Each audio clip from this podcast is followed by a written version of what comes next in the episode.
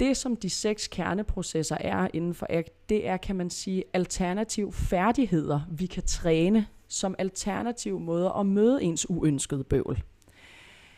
Og i det, altså i det, at man kan udøve dem, eller i hvert fald nogle af dem, det er ikke heller ikke altid sikkert, at man skal praktisere alle seks. Men så kunne man tale om, at så er man i højere grad psykologisk fleksibel, og dermed kan gøre mere af det, man gerne øh, vil, i stedet for at prøve at kontrollere sig ud af det eller undgå det. Velkommen til træningsteamen. Træningsteamen er for dig, der vil have mere viden om styrketræning og om kost. En podcast fri for bro science og quick fixes.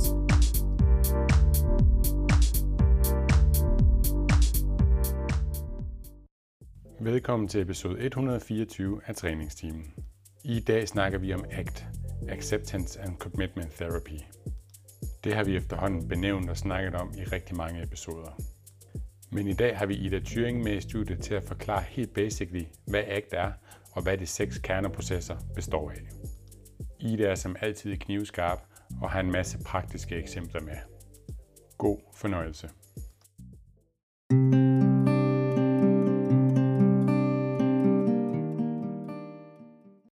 Vi er din værter, Steffen Fisker. Og Nikolaj Bak. Og øh, velkommen tilbage til dig, kære lytter. I dag, det er en øh, episode, som øh, vi har glædet os rigtig, rigtig meget til. Øhm, for trods at vi sidder øh, online, øhm, og ikke face to face nede i headquarters, så har vi en lytter og også værtsfavorit øh, med tilbage i podcasten. Det er ikke nogen hemmelighed, at øh, Steffen og jeg, vi altid glæder os til at optage podcast med Ida Thyring. Velkommen til dig, Ida. Mange tak. Lytterne, de øh, kender dig måske fra et par tidligere episoder, vi har optaget om øh, motivation og mindset og i særdeleshed ACT. Men øh, kan du ikke lige øh, fortælle, hvem, hvem er du, og øh, ja, hvorfor sidder du sådan her i dag? Hvad kan du? hvad kan jeg? Jamen, øhm, lad mig sige lidt om, hvad jeg kan. Spørgsmålet om, hvem jeg er, det tror jeg måske bliver lidt, lidt for langt og tungt til sådan en intro her. Øhm, mit navn det er Ida Thyring, øhm, og af baggrund der er jeg øh, sociolog. Så øh, i min sådan efteruddannelse har jeg taget forskellige, kan man sige, coaching-uddannelser, og har, har de seneste år virkelig kastet min, min kærlighed på ACT. Øhm, og ACT, kan man sige, er jo, en, er en retning og en metode, som kan bruges på rigtig mange områder, rigtig mange arenaer, altså både i, øh, i forhold til, hvad hedder det, spisning, træning, men det er også i forhold til familieterapi, øh, parforholdskriser, øh, træning af øh, mental træning af OL-atleter, og, og jeg har ligesom valgt at tage mit i en retning af, hvad jeg kunne kalde performance og præstation, altså hvordan kan vi bruge acceptance and commitment therapy, når vi har at gøre med, at vi gerne vil præstere og stå for noget vigtigt i, i livet. Så det er sådan, det, det der, jeg har valgt at tage min, min, min ægt hen. Mm. Ja, og, og ACT, som du siger, det står jo for uh, Acceptance and Commitment Therapy. Og vi har jo uh, alle tre været på et uh, kursus i sin tid hos uh, Tine Agerskov, som, uh, som dengang var noget, vi kunne afholde sådan internt for vores, uh, for vores egne trænere i, uh, i teamet og coaches i teamet dengang. Og uh, siden er der jo uh, sket lidt, og du er uh, nu underviser på, uh, på det her ACT-kursus. Og... Um, og i forlængelse af øh, episoden, nu har vi jo snakket en, en del om Active podcasten tidligere, og også faktisk øhm, for ikke så længe siden, der havde vi besøg af øh, min teammate oppe i øh, Aalborg, Camilla Andersen, der har skrevet øh, kandidatspecial om ACT, hvor vi, øh, hvor vi snakkede om ACT rigtig meget i øh, sådan en, øh, hvordan kan du gøre, hvad der er vigtigt for dig, øh, selvom dine omstændigheder måske ikke ændrer sig kontekst. Og det er jo selvfølgelig rigtig meget over i det her øh, værdibaserede arbejde, det her med at nå ind til sine værdier, som vi snakkede om. Men i den episode snakkede vi også om, at der ligesom var seks øh, kerneprocesser i ACT, hvoraf selve værdiarbejdet, øh, eller kerneprocessen værdi, kun er en af de seks øh, kerneværdier. Og i den episode teasede vi selvfølgelig også, at vi skulle have øh, besøg af Ida Thuring, der skulle øh, tage os rundt om øh, hele hexaflexen, som den hedder. Øhm, og hvad hexaflexen er, det kan vi jo komme ind på lige om lidt, men at vi skulle øh, gå i dybden med de her øh, seks kerneprocesser i en separat episode. Og det er vi jo så, øh, så heldige, at du er øh, gået med til, endda midt i din ferie.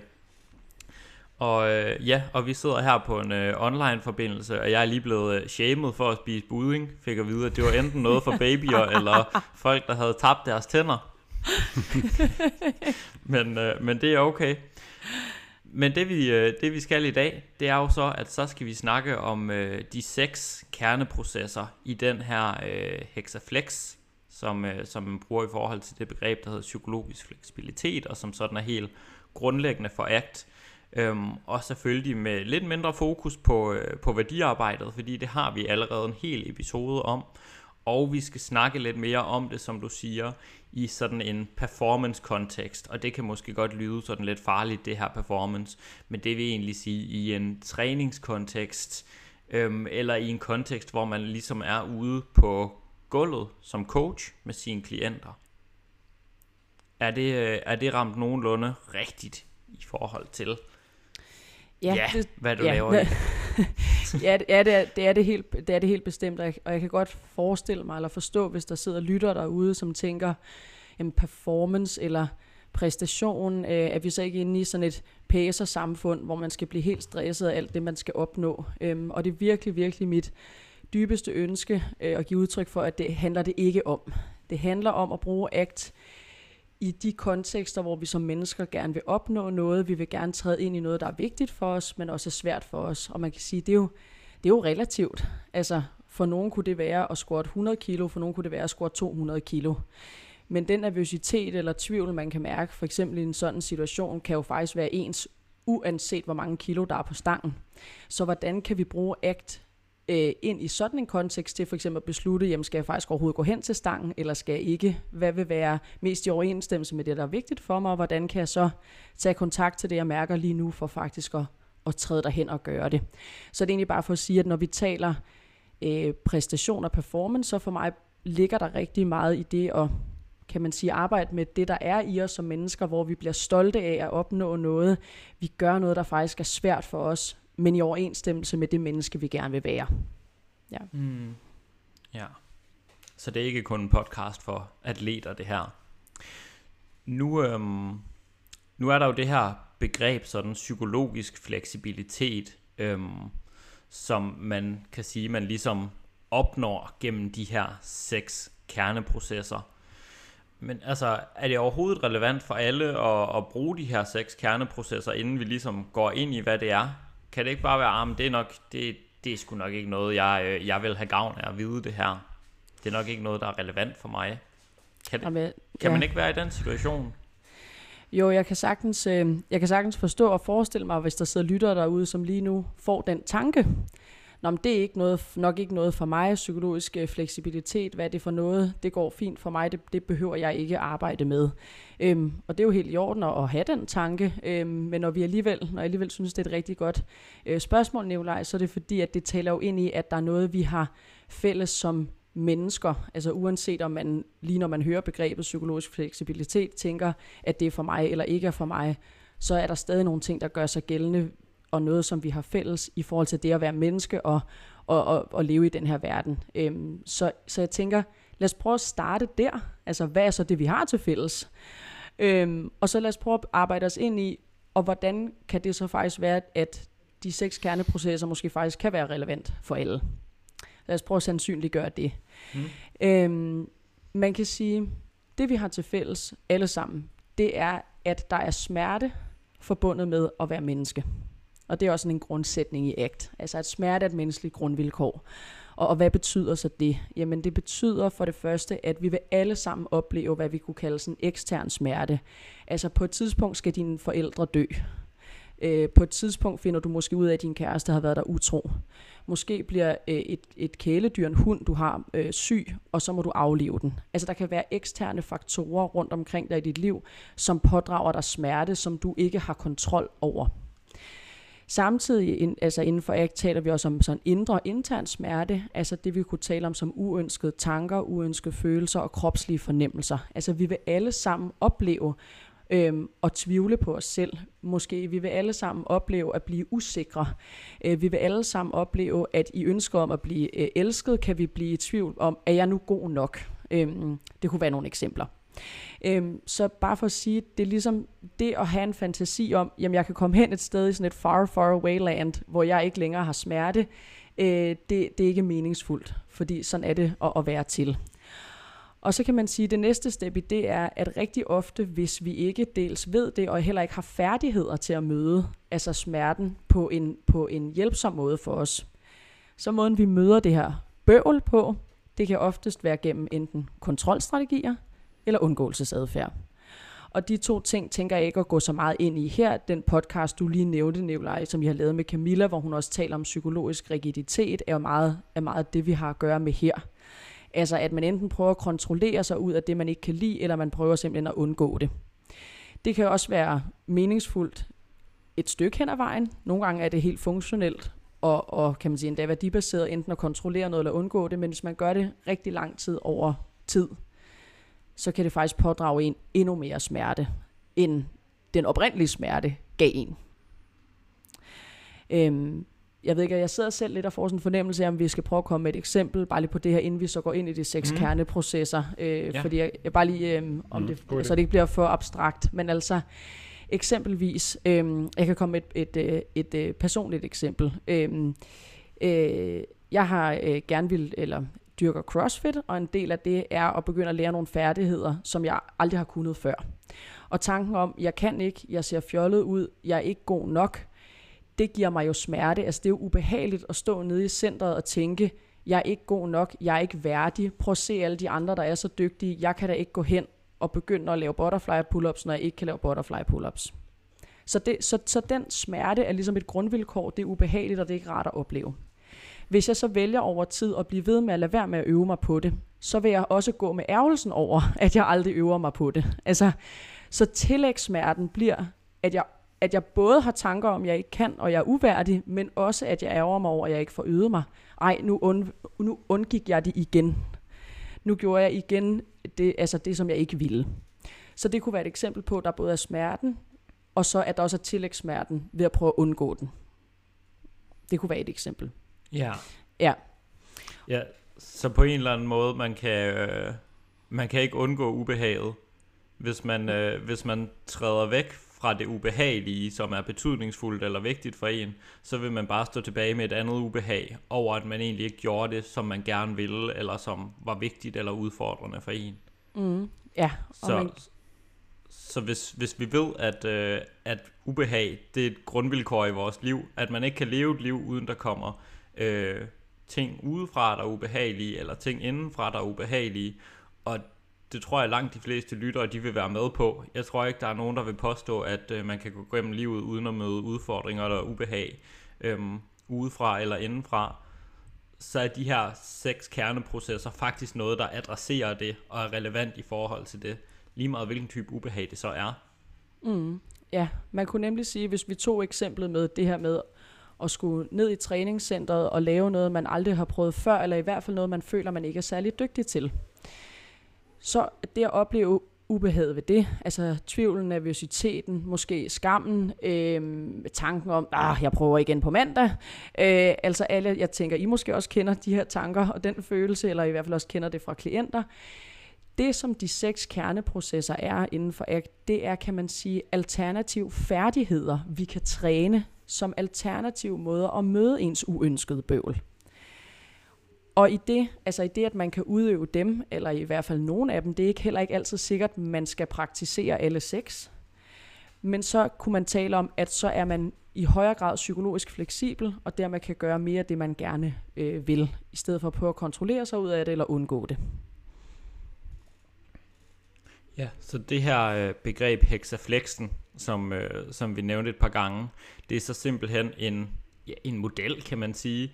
Mm. Øhm, mhm. sådan en, en sekskantet stjerne, der indbefatter alle de her seks kerneprocesser, og det at bruge dem i kombination, det er ligesom, det er hexaflexen, og det er også det, man gør for at komme hen til den her psykologiske øh, fleksibilitet, der helt grundlæggende vil sige, at man ikke er fastlåst og begrænset mm. kan man sige det, hvis man kan sige det sådan meget, meget kort, og det giver nok også bedre mening, når man så kender de her kerneprocesser. Ja, ja lad, os prøve lige, um, lad os prøve lige sådan at definere lidt psykologisk fleksibilitet, mm. og så lad os prøve at gå ind i kerneprocesserne. Fordi man kan sige, det at være psykologisk fleksibel, jeg tænker det sådan, der er ligesom to steps i det, og det er også derfor, det hedder acceptance og commitment therapy, for der er ligesom to step. Og det første, det er, at man er i stand til med en åbenhed og en accept og en egenomsorg, og ikke mindst villighed, til at prøve at lægge mærke til det, der faktisk sker inde i en, og så skabe rundt for det. Det kunne så være de her tanker, følelser, kropslige fornemmelser, der er uønskede eller ubehagelige. Og så step nummer to, det er så at handle engageret og fleksibelt i overensstemmelse med det, der er vigtigt for en i den specifikke kontekst, du står i. Jeg havde en, en, en, øh, en deltager på sidste gang, vi kørte ACT-kurset, som rigtig fint sagde, jamen altså, skal man så bare sidde der og acceptere? Og så var det sådan, nej, det er derfor step 2 ligesom er der, kan man sige. Altså, og det behøver, de behøver ikke komme altid den rækkefølge, men det er mere for at sige, at den psykologiske fleksibilitet har begge ting i sig, altså både accept-delen og commitment-delen. Ja, ja. the acceptance and commitment ja. therapy. Ja. Yes, og det var også en meget bedre måde at sige det på, fordi det er faktisk ret, rigtig svært at prøve at definere noget ud fra, hvad det ikke er, og sige, om det er ikke at være psykologisk rigid. Nå, hvad vil det så konkret være? Ja, ja, lige præcis. Og man kan sige, det jeg lige sagde her, er der faktisk rigtig mange act-begreber på spil, men, men jeg tænker, i det vi prøver at gå ind i de seks kerneprocesser, vil de folde sig ud, og jeg kommer også til at vende, vende tilbage til dem. Så jeg tænker måske, om vi skal egentlig skal kaste os ind i dem? Eller? Start med den første. Ja, ja. ja. Godt. Jamen, øh, skal vi køre dem øh, på dansk? Det må vi vel næsten hellere. Ja, lad os gøre det. Ja. Jamen, ja. så den første, den er jo uh, diffusion. Yes. Så, så diffusion kan man sige, der har vi at gøre med tanker. Og her kan det både være tanker om en selv, men det kan også være for eksempel ubehagelige minder eller erindringer eller bekymringer, man ofte har. For eksempel, vi når det ikke til tiden. Det kan også være en tanke. Så, så, så når, vi, når, vi, når vi arbejder med, med tanker, så kan det være alle mulige typer af tanker. Øhm, og diffusion, kan man sige, det er evnen til at iagtage sine tanker, se dem som tanker, der melder sig, og på den måde kan man sige, kunne forholde sig til, vil jeg så gå med det tilbud, som den tanke er. Altså det at kunne se, at en tanke er et tilbud om at handle. Det er ikke nødvendigvis, at man skal handle på den måde, som, som tanken øh, dikterer. Og det er derfor, man også nogle gange inden for ACT taler om sådan tanketyranni. Altså fordi man næsten accepterer eller sluger eller tolererer sine tanker, som det er så sådan her, jeg bør handle. Øhm, ja, yeah, det tror jeg vil være sådan den korte måde at tale, tale om diffusion, altså den evne til, til det.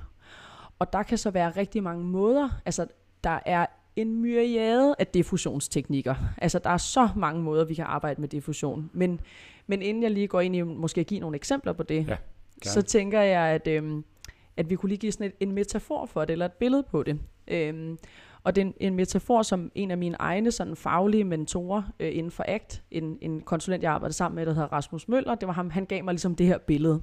Og han sagde, at i virkeligheden i det, så er, at, at diffusion er jo lidt ligesom at lave push-ups. Altså det vi træner, det er forskellen.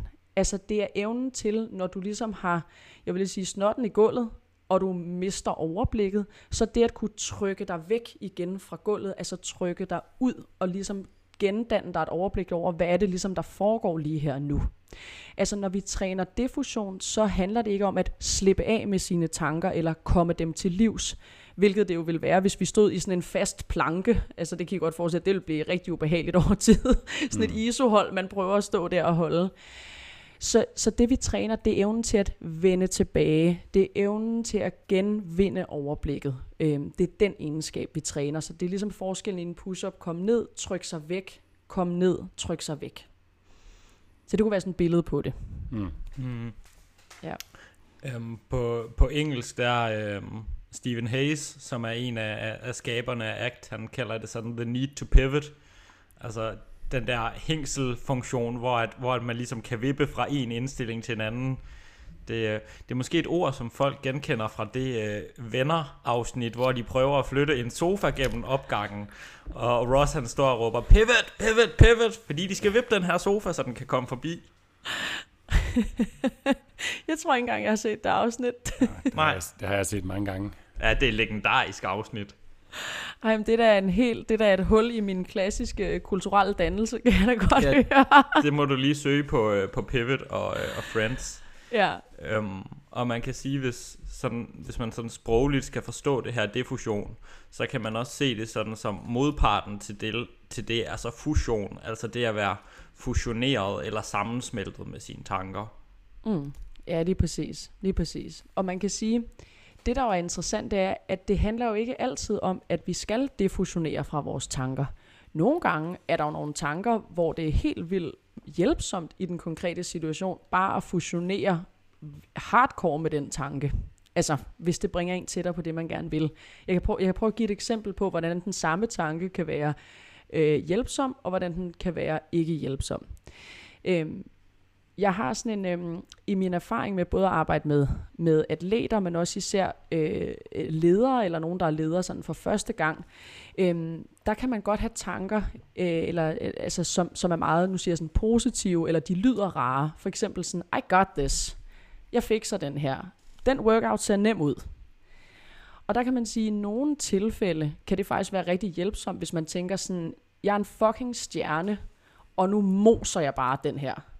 Det kan godt være hjælpsomt, hvis det virkelig gør, at man har en god strategi, en god gameplan, og det ligesom får en ind i det der 6. gear, hvor man virkelig skal eksekvere.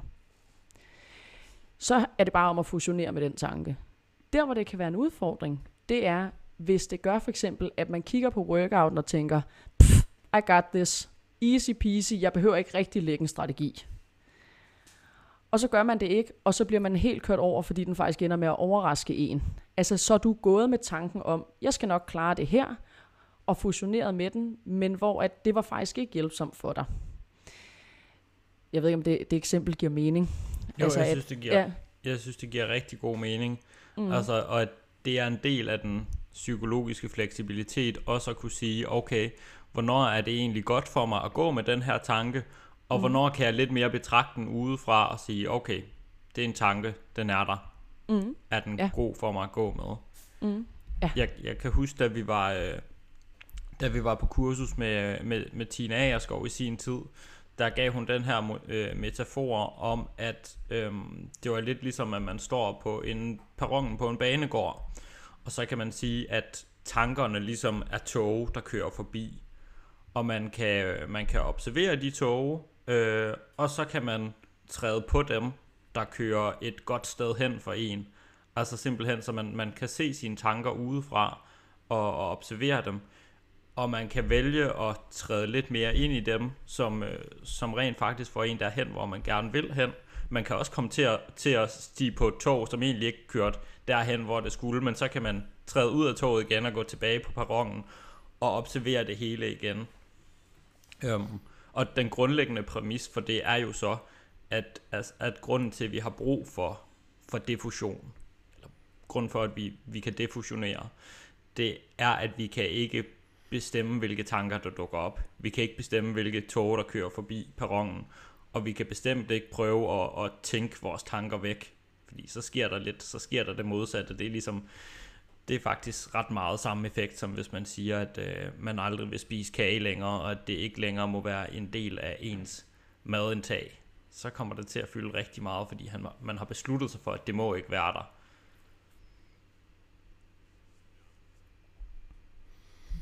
Jeg tænker også, det er meget kontekstafhængigt, at det er jo noget, man skal træne, fordi at man, man skal jo blive nødt til at danse nogle erfaringer med, hvad for nogle tanker, der, der fungerer i en givende situation, hvad for nogle, der ikke fungerer.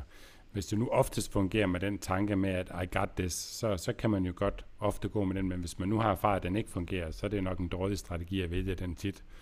Øh, så det er jo noget, man også øh, ja, skal træne, som du sagde i starten, at det er jo noget, der, der kræver træning af ens, ja, ens tanker og ens, øh, ja, hvordan man håndterer alle de her følelser. Mm. Ja, helt, helt sikkert. Øhm, ja, altså jeg ser det jo også tit hos, øhm, altså igen hvis vi taler om det, måske egentlig det at præstere sammen i et, i, i et performance-miljø, eller sådan en performance-kultur, hvor, hvor der også er brug for meget sådan selvledelse. Altså det for eksempel er nogle rigtig stærke profiler, tænker, den fikser jeg. Det kan være super godt, hvis nogle ting bliver taget, altså nogle opgaver bliver løst, men det kan være en kæmpe udfordring, hvis du er en leder, der faktisk skal delegere opgaver. så dur det ikke, at alting håber sig op på dit bord, fordi du går med tanken om, den fikser jeg. Altså der skal man lære at være i det, der kan være ubehageligt ved at delegere et ansvar, og at nogle andre skal løbe med opgaven. Så det er jo bare for at give et helt andet type eksempel. Men det kunne også være det samme som hvis du står i en teamword. Altså det der med, hvis du siger, okay, vi har lavet en gameplan her, det er det her, der giver mening. Du bliver grebet af en tanke om, jeg må tale repsene. Det er ikke nødvendigvis sikkert, at det er super hjælpsomt for det, I egentlig har planlagt. Ja. Sandt. Mm. Ja, Nikolaj. Ida, jeg kunne, jeg kunne godt tænke mig øh, at spørge dig om, fordi at jeg oplever rigtig ofte forskellige situationer, hvor folk de siger, at de kunne bare godt tænke sig, at de her tanker, at de kunne gå væk. Eller at de egentlig siger, at målet er, at jeg vil holde op med at tænke sådan her. Øhm, når man så snakker om, at vi kan jo egentlig ikke få tanker til at gå væk. Det kan godt være lidt en spand kold vand at få i, i ansigtet på en eller anden måde. Okay, det kan faktisk godt være, at jeg bliver ved med at tænke sådan her, eller jeg kan i hvert fald ikke kontrollere, om jeg gør det eller ej. Hvordan håndterer man egentlig den spand øh, kold vand? Øhm, jeg tænker, der er forskellige måder, man, man kan gøre det. Altså for det første kan man sige, en, en anden diffusionsteknik, det er jo også for eksempel at navngive sine tanker. Altså jeg vil sige, helt, helt det at eksternalisere det og gøre det til et tredje, vi taler om, er for mange noget, hvor man kan holde det lidt lettere. Vi har i andre podcasts sammen talt om for eksempel det at navngive en indre bestyrelse. Så at sige, hvem er det, der kommer på besøg nu? Ej, altså, det er hulken inde i mig, det er den, den vil bare smadre alle sættene, og den vil fandme bare ikke holde hviledag. Nå, okay, det er den, der kommer med sådan nogle tanker. Så, så det at erkende for eksempel, at, at hulk, hulk-tankerne vil nok alle dage vende tilbage i et eller andet format, men lige pludselig taler vi om, altså vi har givet den et navn, så den er, og det er også sådan, der, det er med ægt. altså det er sådan lidt farverigt, og det kan også sagtens være med en god portion humor, og hvor man ligesom lige pludselig kan se, jamen det er jo helt altså det er jo helt fjollet, at jeg lader en hulk beslutte, hvordan min dag skal gå. Altså det holder der ikke. Eller sådan, nogle dage er det meget godt, men den kan jo ikke, have he- altså, den kan jo ikke styre hele dagen. Så det var bare for at give et eksempel i forhold til, at du siger, hvordan kan, hvordan kan man håndtere det? I ACT har vi tit også en meget lejende tilgang. Så det at prøve at, at lege med det forhold, at der bor måske en hulk i dig, som nogle dage hjælper dig, nogle dage er super bøvlet. Så, så nogle gange min erfaring er, at det bliver også lettere at holde selv, når man for eksempel øh, navngiver sine tanker, eller taler om, hvem er det, der er på besøg. Ja, det giver rigtig god mening. Øhm, og forud for episoden snakkede vi også om, at, at den her disfusion, det var en af dem, vi ville bruge lidt mere tid på at gå ind i, fordi det er nok en af dem, som mange både kan, kan kende sig rigtig meget i, men også kan bøvle rigtig meget med det her med, okay, jamen, hvordan, hvordan håndterer jeg svære tanker? Øhm, og det leder os måske i virkeligheden øh, videre til, øh, til næste øh, kerneproces i hexaflexen. Ja, er præcis. Accept. Yes. Øh, og accept. Det er sådan et, et godt ord. Jeg ved ikke, hvordan, hvordan I har det med det, men jeg, jeg tror for mange kan det, kan det sådan helt instinktivt nærmest generere noget modstand. Altså skal jeg så ligesom sidde på begge mine hænder og tolerere, hvad der kommer mod mig. Øhm, og det er, det er heldigvis ikke det, der ligger i, i acceptbegrebet. Man kan sige, det det, det handler om, det er at have en, en åbenhed for det, som der nu engang udfolder sig, det der nu engang melder sig. Og det, der også ligger i accepten, som er rigtig vigtigt, det er spørgsmålet om villighed. Altså er du villig til at læne dig ind i det, der så melder sig? Altså er du villig til at gå med det, der kommer, øh, eller at træffe et andet valg? Og man kan sige, i forhold til acceptdelen og det arbejde i den kerneproces, så kan man jo også sagtens beslutte sig for, at jeg er ikke villig, eller jeg er ikke parat til at lave den her forandring.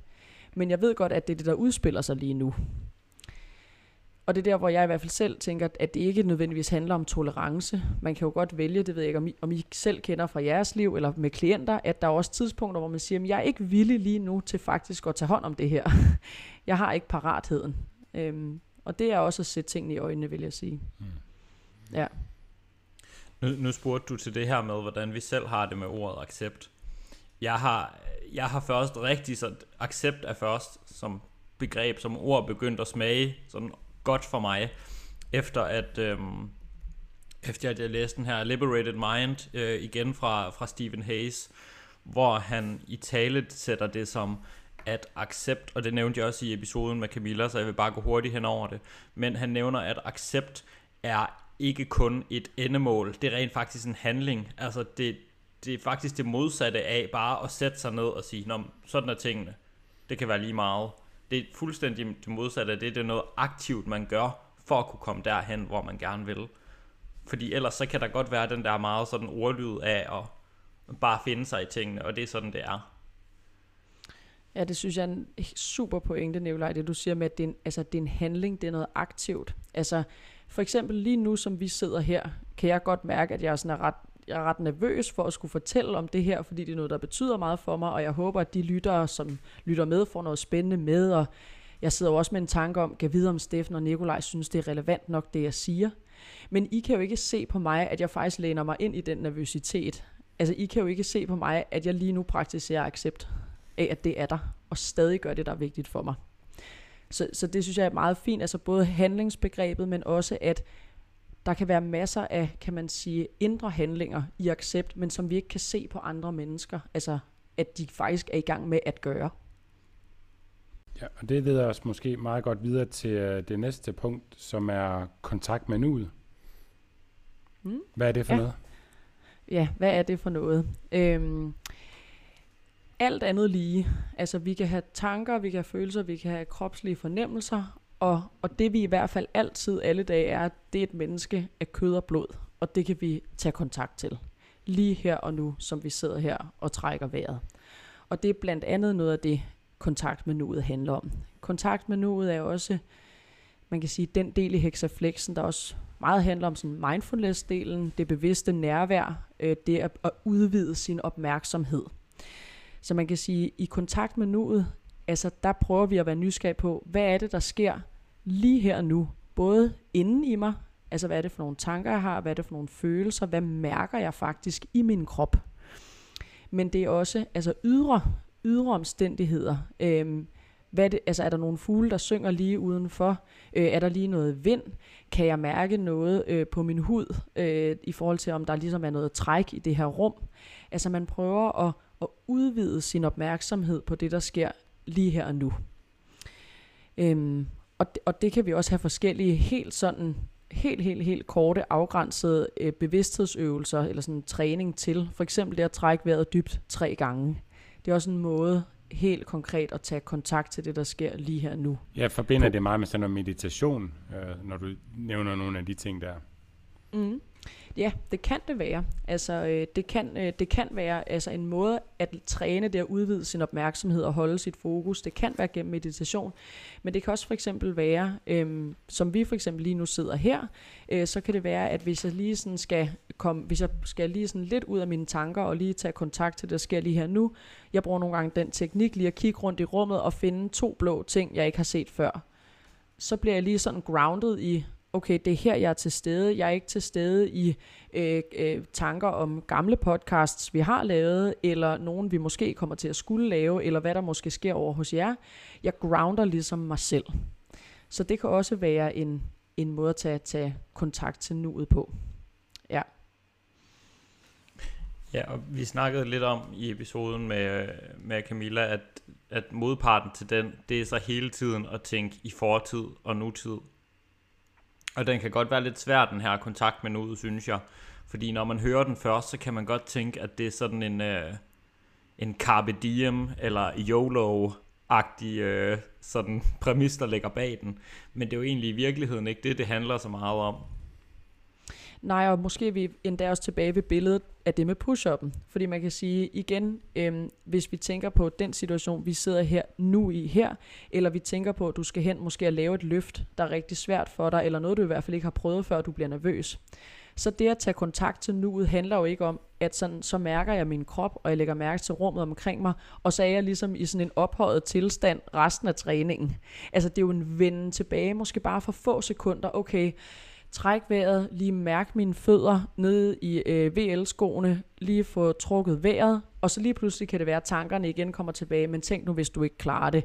Det er jo også tungt, det bliver ubehageligt, så trækker man vejret igen, tager lige et altså kontakt til, hvad det er, jeg mærker lige her og nu, og ikke lader mig øh, rive med af tankerne. Altså så bare for at sige, kontakt til nuet af, nemlig heller ikke sådan en ophøjet tilstand, vi opnår, og så gik vi rundt i den resten af dagen. Altså det kan komme i sådan nogle glimt, Ja. Ja. ja det der med lige at sådan, og, og ja, opmærksomhedstræning, træne på at være opmærksom på, hvad er det, der foregår lige nu, Mm. og vende ja. tilbage til den, den tilstand. Ja. Mm. ja, og Camilla, hun nævner også nogle øvelser, hun plejer at bruge i den episode, hvis man vil have mere. Men jeg mm. ved ikke, om vi skal hoppe videre mm. til uh, værdier nu, øhm, som vi jo lige kort skulle ind over, fordi det uddyber Camilla jo væsentligt mere ja. i den episode. Jamen helt sikkert. Lad os, lad, os, øh, lad os endelig selvfølgelig også vende den, for den er jo også en del af, af hexaflexen. Øhm, jamen jeg tænker, værdier er jo egentlig også øhm, meget som, som øh, Camilla også beskriver, det her med et kompas, eller et nordlys, eller et fyrtårn, som vi går imod. Altså det er kvaliteter ved vores handlinger, som kan gøre sig gældende på tværs af arenaer i vores liv. Så hvis jeg har en værdi om at være ordentlig, altså hvordan er jeg så ordentlig over for mig selv, øh, i forhold til mine familierelationer, hvordan er jeg ordentlig over for mine klienter, hvordan er jeg ordentlig over for mine øh, medstuderende, hvis jeg læser, hvordan er jeg ordentlig, altså og så videre, så videre, så videre i forskellige kontekster. Det kunne, det kunne være en værdi for eksempel. Øhm, så, så det handler om ligesom også at kunne prioritere, hvad der er også vigtigt at gå efter lige her og nu, fordi det vil ikke altid være det samme hele tiden i, et, i ens liv. Øh, som det oftest er øh, med ACT, så handler det om konteksten. Hmm. Så nu, nu når vi allerede næsten har optaget en hel podcast om faktisk værdibaseret arbejde, øhm, kunne du så ikke prøve at tage os ind i, det synes jeg nemlig kunne være spændende, at tage os ind i en kontekst, der hedder, okay, jamen, hvordan kunne værdi, øh, hvordan kunne værdier, kerneprocessen værdier, komme til udtryk i en træningssituation, for eksempel? Hvis jo. man nu havde en, øh, nu kommer det, bliver det selvfølgelig bare lige skudt ind, men hvis man nu havde for eksempel en svær træningssituation, man blev udfordret på noget i træningscenteret, hvordan kan, hvordan kan værdiarbejdet komme ind der? Mm. Jeg kan prøve at give, øh, jeg kan give to forskellige eksempler. Altså mm. jeg kan både give sådan en, hvis man står som træner on the fly, var jeg lige ved at sige, og skal gribe til altså et, et stykke værdiarbejde, og så kan jeg prøve at give et eksempel som, hvis man selv skal udøve noget svært, hvordan kan du så forberede dig altså i et værdiarbejde? Lad os prøve at starte med det med træneren først. Altså, mm. øhm, det er jo ikke sikkert, og måske endda, det, det er langt fra sikkert, at de klienter, man har, selv allerede har lavet et værdiarbejde, eller er klar over det, eller er tydelige på sine værdier. Og der kan man jo godt i et værdiarbejde med en klient øhm, tildele dem værdier. Altså eksempelvis, du står med en klient, vedkommende skal lære at lave kettlebell swings, det har vedkommende aldrig måske øh, prøvet, eller prøvet det få gange, så kan man jo godt tildele en værdi til klienten og sige, prøv lige bare løften vedholdent. Hvordan ser det ud, når du løfter noget vedholdent? Okay, det ser det sådan ud. Okay, yes. Hvis du nu skulle løfte den eventyrlystent, hvordan ville det se ud, hvis du var lidt mere sådan loose i kroppen, lidt mere eventyrlystent? Nå, men det ville se ud på den måde. Så det med at prøve at give de handlinger noget, altså hvad vil være kvaliteten af den her handling?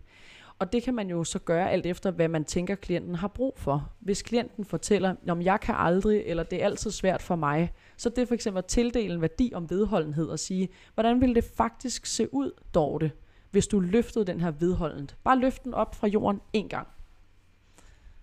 Jeg ved ikke, om det, om det giver mening. det er eksempel. Ja.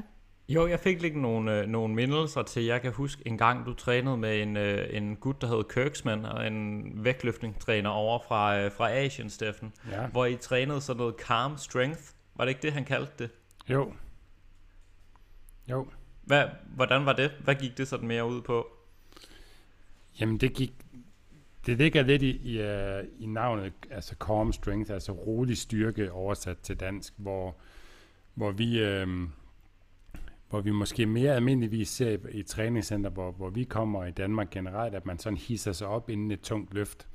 Øh, nogen får, at det var for til styrkeøftævn, og så er nogen, der måske får en losing eller et klask på ryggen eller sådan noget, og høj rock og så videre, øh, hvor man sådan, ja, man skal gerne have pulsen højt op og aggressiviteten ud, hvor i, i Kina, der kører de sådan lidt en anden model, øh, specielt i vægtløftning, som var det, jeg trænede i, og man ser det jo også typisk på, vægtløftningsscenen til OL, at kineserne er, brøler aldrig. Altså kun hvis, øh, hvis de har vundet en medalje eller sat en akkord, så kommer der et brøl bagefter. Men de går altid helt roligt ind til stangen og er meget fokuseret og koncentreret. Så den måde, de træner på, minder meget om den måde, de også konkurrerer på. Men det handler også om, at at i hvert fald deres filosofi er, at hvis du er meget overspændt og aggressiv, så bevæger du dig på en anden måde, end hvis du er rolig og afslappet. Så man kan simpelthen bevæge sig bedre og mere flydende, hvis man er tilpasset, end hvis man er overspændt. Og der er navnet Calm Strength, som vi så trænede. Så i stedet for at... Altså helt i praksis, så kunne det være, at øh, hvis øh, jeg skulle løfte 200 kilo i squat under vores session med, med Kirksman der, så bad han mig om at forestille mig, at det var 150 kilo. Så jeg skulle gå ind til stangen med samme tanke og samme følelse og samme sikre overbevisning om, at jeg kunne løfte de 150 kilo, som jeg, eller de her 200 kilo, som var de 150 kilo. Hvordan, øh, hvordan var det? Sådan i forhold til nu, nu ved jeg, nu er du ikke en speciel sådan øh, aggressiv eller person, der lige bliver vred sådan fra det ene sekund til det andet. Jeg ved ikke, om det måske også var sådan, sådan passet bedre til din måde at træne på, eller? Jo, det tror jeg også, det gjorde. Øhm, altså, det, altså, jeg tror alligevel, at jeg har hisset mig selv mere op til et løft, altså i hvert fald inde i mig selv, ikke så meget ud af regerende. Øh, så det var en helt anden måde at løfte på, og det virker jo, det virker for de fleste, for vi tester det også af på et, øh, en gruppe, vi havde på et tidspunkt i, øh, på Aalborg Sportshøjskole, hvor vi havde sådan en uge sommercamp, hvor de også, altså det virker counterintuitivt i forhold til, hvad man sådan har lyst til, fordi det er en tung vægt, man har lyst til at være aggressiv, fordi at, øh, man skal sætte sig op til det her løft. Men hvad de fleste oplevede, og hvad, hvad jeg også oplevede, det var, at øh, man, øh, den føles nemmere, og, og løftet bliver faktisk bedre af det, og det var sådan lidt en øjenåbner for alle, der, der prøvede det, når, men lige med den, øh, med den rette vejledning til det, og, og vejledning undervejs i løftene. Ja, jeg håber, at, øh, at det var en afstikker, der lige sådan gav, gav mening for lytterne, men jeg synes bare, der var et eller andet i det, Ida sagde, som, som jeg tænker, det der med at løfte på en bestemt måde, løfte roligt, løfte eventyrlysten, eller sådan noget, som egentlig passede meget godt overens med, mm. med det. Ja. Men, men hvad så, hvis man, øh, hvis man står ude på gulvet og, øh, og løfter? Der havde du også et, øh, et eksempel i, der sådan på det værdibaserede arbejde. Øh, ja, hvad hedder det? Øhm, jeg har både et eksempel, som lidt knytter sig til det, jeg sagde før, men faktisk også et, som øh, jeg tænker følger rigtig godt op på det, Steffen lige fortalte omkring øh, Calm Strength. Øhm, hvis vi lige skulle vende tilbage til, til Dorte, man står med, som skal lave kettlebell swings, måske for første gang, eller, eller har, har, tænker sådan, åh, oh, det er ikke så rart, eller jeg kan ikke så godt lide at stå her og gøre det, eller er det ikke også meget svært, eller vægten er tung. Så man behøver jo heller ikke tale med sin klient om ordet værdier. Altså det kan jo være, at det også lige er lidt forvirrende, og er, er det vigtigt lige nu og sådan noget, eller hvad, hvad betyder egentlig det? Man kan jo også spørge Dorte, hvad er vigtigt for dig i dag? Når vi to er færdige om 50 minutter, hvad vil du så gerne kunne sige, at du gjorde i den her specifikke situation? Der tager vi jo også kontakt til det, der er vigtigt for klienten. Jamen var det vigtigt at øve mig? Eller var det vigtigt, at det var øh, tungt, eller var det vigtigt, at jeg trænede teknikken? Altså også rollemodellerer vi også for klienten, altså ved at vise, at du ved bedst selv, hvad der er vigtigt for dig. Jeg ved ikke, hvad der er vigtigt for dig. Jeg kan hjælpe dig med at finde ud af det. Men det er jo også en måde, som, som personlig træner eller, eller anden øh, fagperson, altså person på gulvet, at tale om værdier, kan man sige, med klienten. Altså stille det spørgsmål. Så når vi er færdige om 45 minutter, hvad ønsker du så at have opnået? Hvad vil du gerne have stået for? Hmm. Ja, så det er bare lige for at give et andet eksempel, hvis man tænker, jeg har ikke lyst til, jeg, det, jeg, det ligger måske lidt fjern for mig, lidt fremmed at tale om specifikke værdier. Jeg havde en lignende situation her for nylig, at jeg har oplevet det et par gange her for nylig med, at folk vil gerne lave nogle øh, kostændringer, men de vil gerne lige vente til efter sommeren.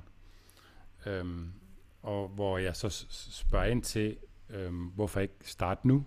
Hvis du nu forestiller dig, at du er efter sommeren, vil du så have ønsket, at du have startet en lille smule nu, eller vil du have ønsket, at det var, eller var det fint, at du så startede på det tidspunkt der efter sommeren?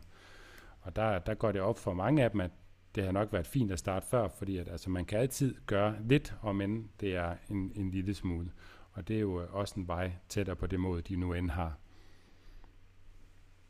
Et super eksempel. Altså virkelig godt. Hvad er den mindste første handling, du vil kunne gøre mm. i retning af det, der er vigtigt for dig?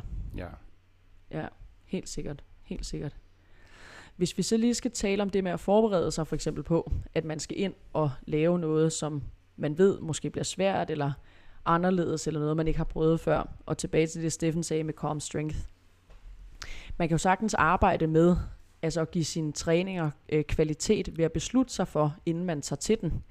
Hvad er det faktisk, der er vigtigt for mig i dag? Jamen i dag er det vigtigt at være tålmodig, når jeg skal lære øh, at snatche, og når jeg skal løfte den fra gulvet. Jeg skal løfte tålmodigt. Hvis jeg begynder at flå i stangen, så ødelægger jeg banen, og så kommer jeg ikke videre. Så det at gøre sig bevidst, for eksempel tålmodighed, er i dag faktisk ret vigtigt, at jeg har fokus på. Mere end det måske er at være udholden. Men omvendt, hvis du skal lave noget, der øh, er høj puls og varer lang tid, eller du skal løbe et svært løb, eller måske bare en tur, der er krævende for dig, det behøver ikke engang være langt, så er det måske mere at sige, okay, det der er vigtigt i dag, er, at jeg faktisk er udholden og vedholden i det, den her målsætning. Så, så det kan jo være måder at forberede sig på, hvordan vil jeg løbe i dag? Hvad skal kvaliteten af mit løb være i dag? Hvordan vil jeg squatte i dag? Hvad skal kvaliteten af min squats være i dag? Og det vil jo variere fuldstændig alt efter opgaven, men også hvad er det, du skal have ud af den her træning. Mm. Og, og det fede ved det råd, synes jeg, det er jo, at det er et, du kan bruge lige meget, om du er eliteatlet, eller du er øh, helt ny motionist, der lige er startet op nede i, øh, i træningscenteret. Fordi det handler ikke fuldstændig om sådan øh, ren konkret, hvordan skal du træne, sætter reps, bla bla bla og så videre, men det handler om, om principperne bag, og det handler om de værdier, der ligger bag, og det er noget, vi alle sammen har. Øhm, Ida, hvordan vil man så håndtere det, hvis man nu for eksempel ikke føler, at man lykkes med det? Altså man kan jo godt have en træning, hvor man har fokuseret på at være tålmodig, men det kan jo godt ikke lykkes.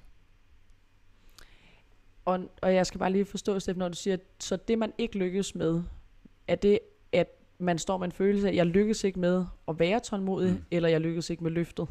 Det kan være begge dele, men jeg tænker altså, jeg kan jo godt have en følelse af, at jeg skal udøve calm strength, men så bare slet ikke lykkes med det. Øh, og du ja, kan også have en ja. idé om, at jeg skal løfte den langsomt op til knæene, men det sker ikke rigtigt. Var det øh, personligt? Nej, eller? overhovedet ikke. Nej, overhovedet ikke.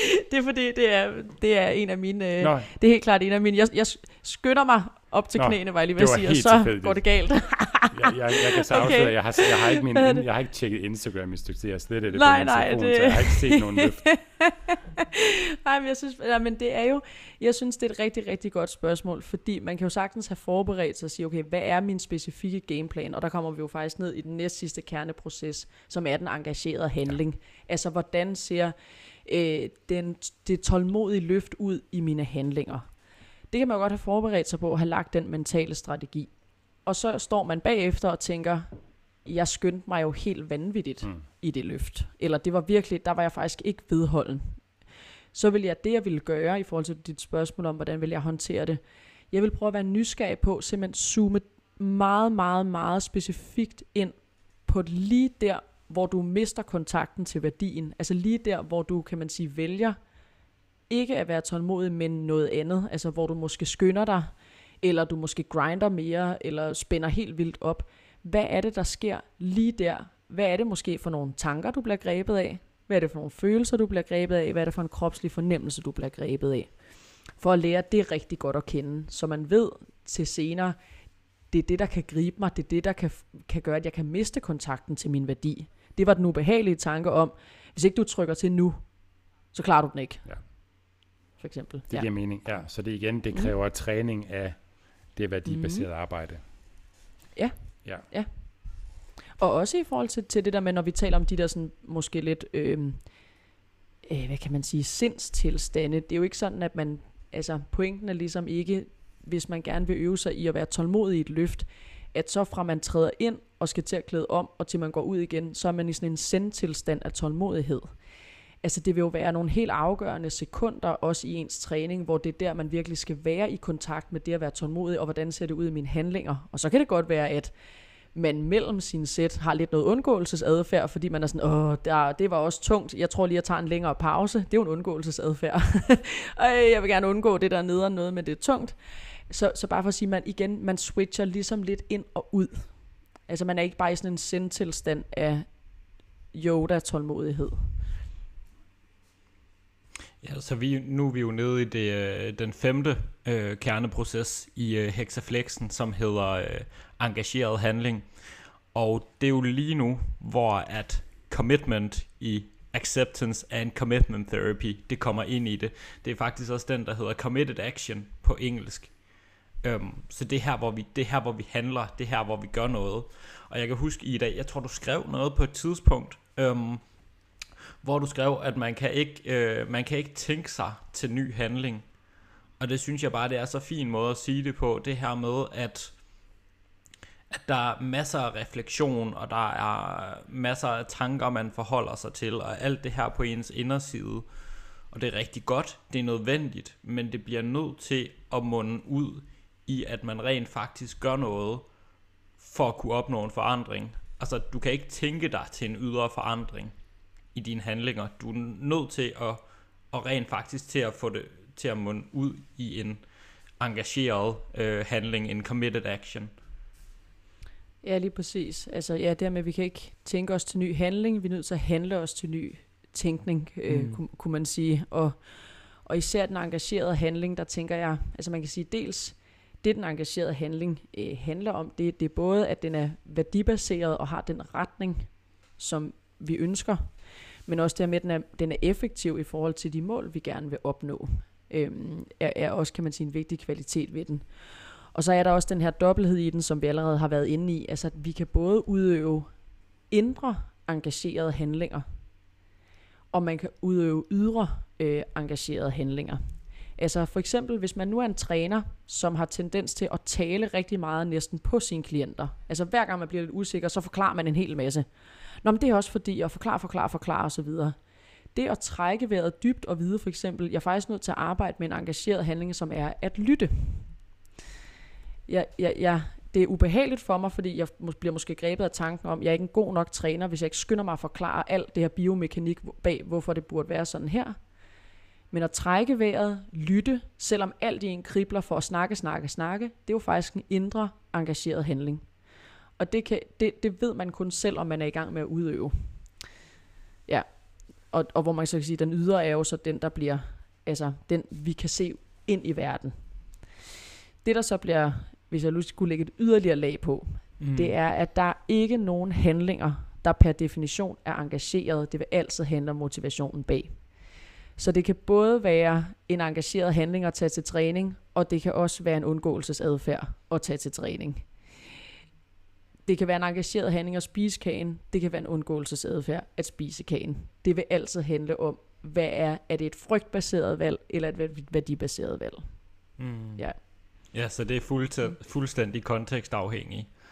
Og, ja. øh, og inden vi går videre til, øh, til den sidste kerneproces, der øh, sjovt nok handler om kontekst, så, så vil jeg lige hurtigt vende tilbage til, til den pointe, Steffen havde tidligere, og, og som du også sagde. Øhm, fordi jeg tror, der hvor folk ofte går fejl ved engageret handling, det er, at de ikke justerer den til noget, de kan gøre nu. Altså som, som du sagde i det, det her med øhm, at sige, hvad er det første, mindste, jeg kan gøre lige nu?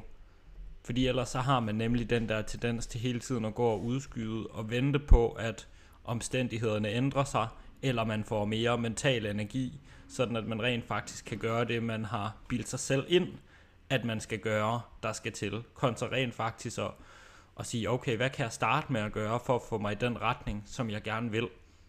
Og det tror jeg, det er sådan en, en helt generel ting inden for, altså specielt træning og kost, som jo rigtig meget er det, vi arbejder med, at, øhm, at man, man går tit med sådan en forventning om, okay, nu skal jeg lave den her livsstilsændring, men det passer ikke lige at begynde på det nu. Så er den virkelige udfordring ofte, at man ikke har valgt den rigtige livsstilsændring, hvis vi skal kalde det det. Det er jo sådan en buzzword, men man, er, man har ikke valgt den rigtige handling til at starte med. Altså, så handler det mere om, i stedet for at sige, hvornår er de optimale omstændigheder for at begynde på det her, så handler det om at sige, okay, hvad kan jeg gøre nu? Hvad kan jeg starte med at gøre nu? En lille ting, som jeg kan gøre lige nu, og så tage det derfra. Ja, så, så den er simpelthen, det er et for stort et tiltag, eller for omfangsrig en handling, man, man overbeviser sig selv om, der man, er, man skal starte ud med. Mm. Ja, det er jo så der, man kan tage kontakt til værdierne. Så hvad er vigtigt lige nu? Mm. Eller hvad er vigtigst ja. lige nu? Ja. Mm. Men det kan være, at vi skal hoppe til den sidste. Nu har vi også øh, rammer vi snart en times tid, så det passer meget godt. Mm. Øhm, som hedder selvet som kontekst. Det, det lyder jo meget uh. fint. det er den, som selv gavede, gavede agtrotter, de kan kæmpe med. Ja, det er rigtigt. Det er rigtigt. Hvis vi så skulle prøve at gøre den... eh, Altså, lad os prøve at gøre den lidt mindre mystisk. Jeg skal gøre den lidt mindre farlig. lidt mindre farlig, ja. Lad os holde den lidt let. Altså, man kan sige, selvet som kontekst er det sted i os, hvor vi kan, kan man sige, observere os selv udefra. Altså et iagtagende selv. Du har faktisk et sted i dig selv, hvor du sådan måske kunne gå i metaperspektiv eller helikopterperspektiv, og lægge mærke til alt, der foregår lige nu, men uden at dømme det, uden at fælde dom over det, og være observerende omkring det. Og det er også vigtigt at sige, at, at når vi praktiserer den kerneproces, det er oftest jo også noget, der varer nogle ganske få sekunder. Altså det er ikke igen sådan en tilstand, de fleste opnår. Altså det er noget, man måske evner lige ganske kort lige sådan at tage sig selv i. Hold da op, hvad er det, der sker lige nu, hvis jeg rent skulle beskrive det rundt om mig, Øh, øh, inde i mig, rundt omkring mig, hvad er det, jeg er ved at gøre? Altså det, det blik på sig selv. Øhm, og man kan sige, det er også det sted, hvor at, vi har også tit talt om det som det sted, hvor vores selvfortællinger bor, altså, eller koncepter om os selv, koncepter vi måske har købt. Det kan både være koncepter om, jeg er sådan en, der ikke kan finde ud af, men det kan også være koncepter som, jeg er sådan en, der altid giver mig 100%, og det finder du så ud af, det er så bare lige indtil du ikke gør. Eller øh, mistet motivationen, eller sådan, ikke? Så, så det er også ligesom der, at, at, at, at det bor, altså selvfortællingerne, kan man sige. Mm.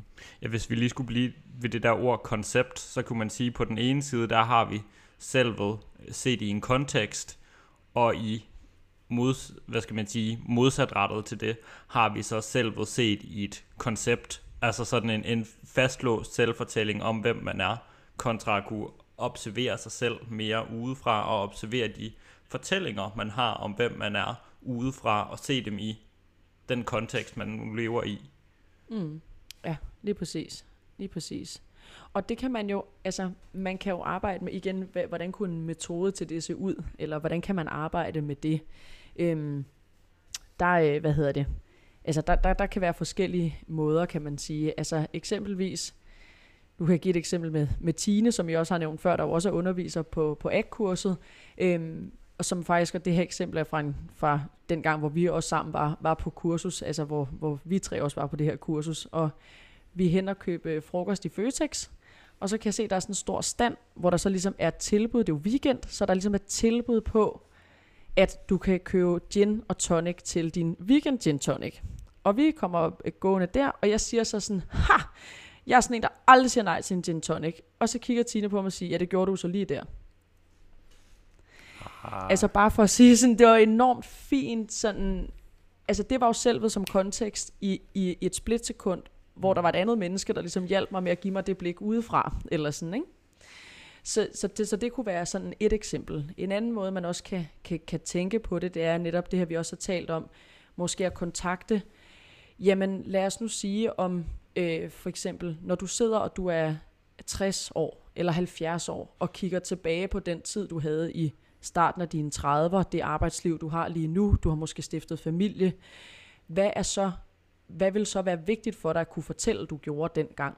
Altså det at se sig selv udefra på den måde.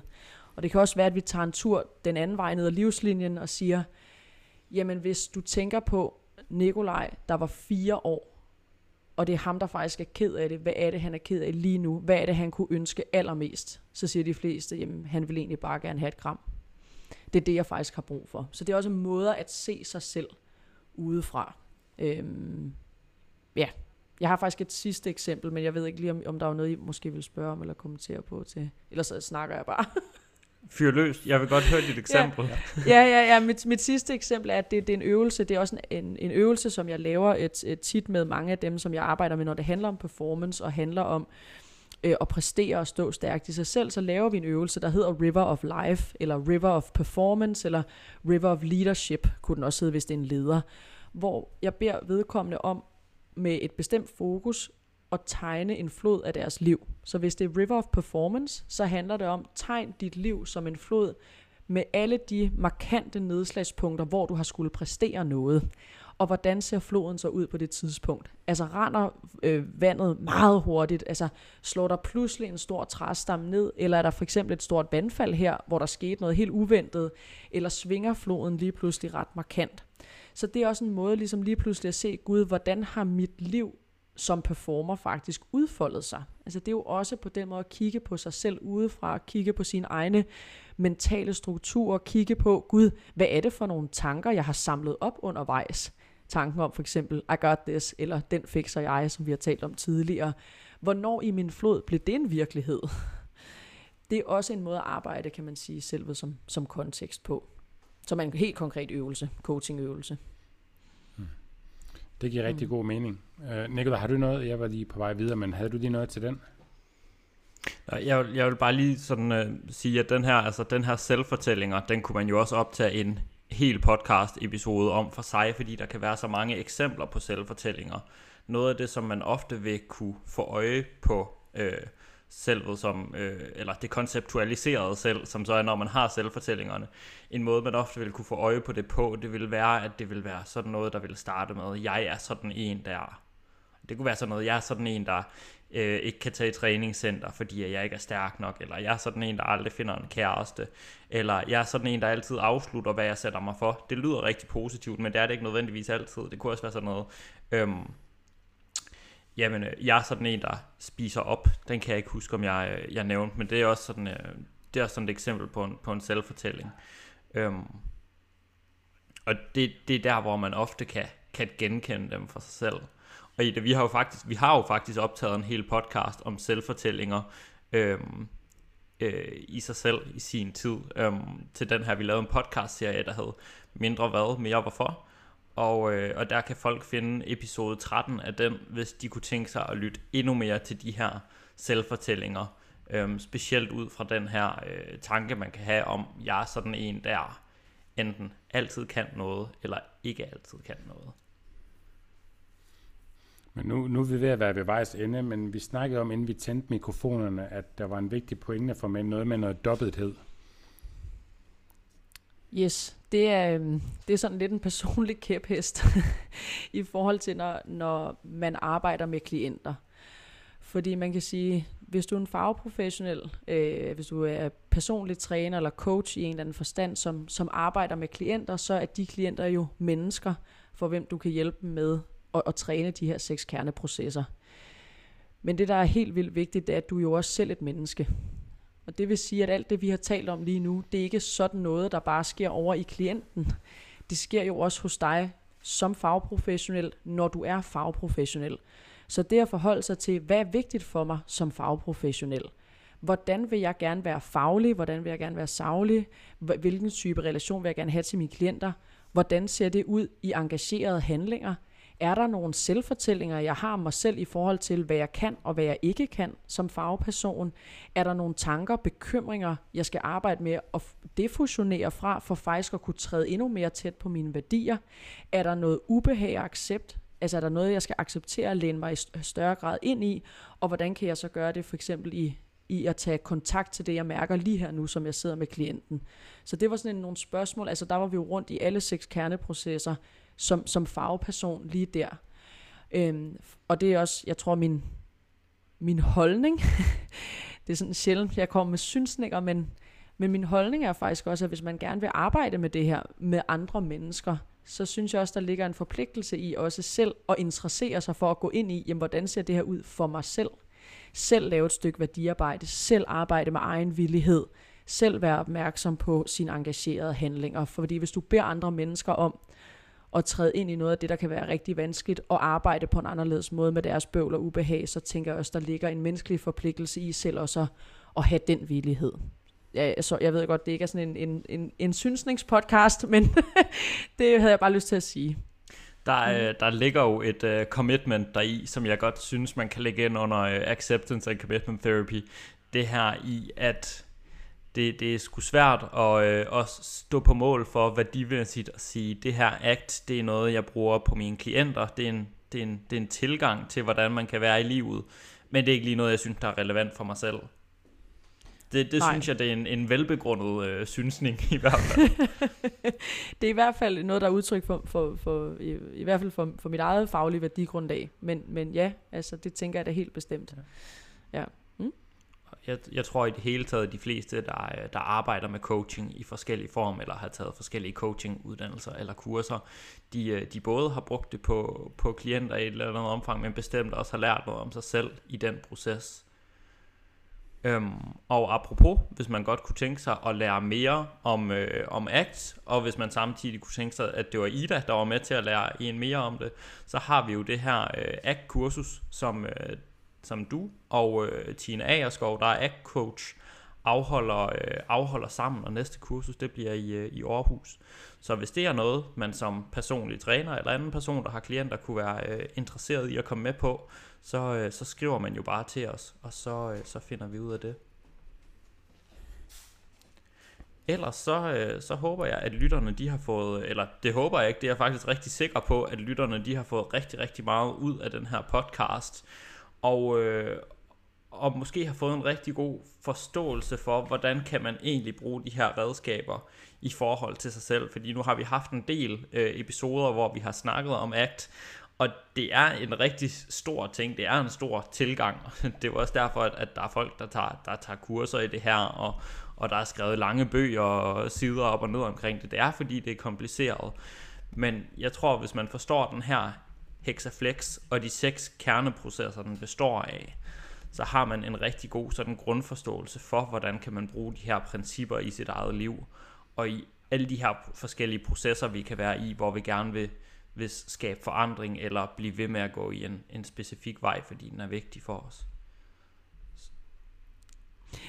Ja, bare lige hvis jeg skulle bare en enkelt kommentar til det, Nicolaj. Så hvis man som fagperson eller personlig træner, eller øh, øh, vanecoach, eller hvad man nu sidder med, gerne vil arbejde med det her, og de her seks kerneprocesser, så tænker jeg også, der er noget vigtigt at sige, at dels kan man sige, der er noget med også at starte med, okay, hvad er lige mest, måske sådan mest intuitivt for mig? Jamen det der med diffusion, det er sådan ligesom at være lidt fleksibel omkring det. Jamen det, det tror jeg måske godt, jeg vil prøve lidt af med mig selv og mine klienter. Altså og jeg kan dele altså i min egen rejse med ACT, og der hvor jeg er med ACT, der er rigtig meget for tiden lige nu arbejder jeg med mig selv, men også med mine klienter i det med kontakt med nuet. Altså det at gå ind i det kropslige, og i sessioner have mere sådan kontakt til det kropslige, mere end erkendelse og tanker. Øhm, så bare også som, jeg tænker, det er ikke sådan, at så tager man ligesom et kursus, og så efter seks uger, og så var jeg færdig med det. Altså der er jo også en rejse ind i, hvordan forholder jeg mig faktisk også selv til de her kerneprocesser. Mm. Ja, det er jo heller ikke sådan, at så tager man lige en kasket på, og nu, nu tager jeg act-kasketten på og agter, men det er sådan en grundlæggende øh, forståelse, række principper og, og mm. tilgang, mm. man sådan kan bruge, når man har med mennesker at gøre, eller med sig selv mm. at gøre. Ja. De fleste af os selv er jo også mennesker, men... men ja. Det må, det må ja. vi håbe. ja. Fedt. Jamen, øh, med den øh, afsluttende bemærkning omkring at, øh, at bruge ACT i sit, øh, i sit eget liv, eller at bruge de seks øh, kerneprocesser, når man arbejder med andre mennesker, så vil vi sige øh, tusind tak, fordi du igen vil komme på besøg i øh, træningsteamen, Ida. Og det var så afslutningen på denne episode. Hvis du gerne vil læse mere om træningsteamen og om det enkelte afsnit, så kan du klikke ind på træningsteamen.dk. Og hvis du har spørgsmål til den enkelte episode, eller har forslag til emner, vi kan tage op i en fremtidig episode, så har vi oprettet en Facebook-gruppe, som du kan tilmelde dig. Facebook-gruppen hedder Træningsteamen, og jeg håber, at du vil være med. Og hvis du kunne lide den her episode og gerne vil have flere episoder fra os, så vil vi sætte stor pris på en god anmeldelse i din podcast-app. For det er ingen hemmelighed, at vi laver den her episode for netop dig derude, og vi tjener faktisk rigtig lidt penge ved at lave podcast. Faktisk ingen penge. Så måden du kan hjælpe os på er ved at dele vores podcast og anmelde den, så vi kan få vores podcast ud til så mange som muligt og forhåbentlig hjælpe dem. Og det er netop derfor, vi gør det her. Hvis du gerne vil læse mere om Fisker Performance og hvad vi ellers foretager os, så kan du følge os på både Facebook og på Instagram under navnet Fisker Performance. Og så er der vist ikke andet end at sige tak fordi du lyttede med. Vi høres ved.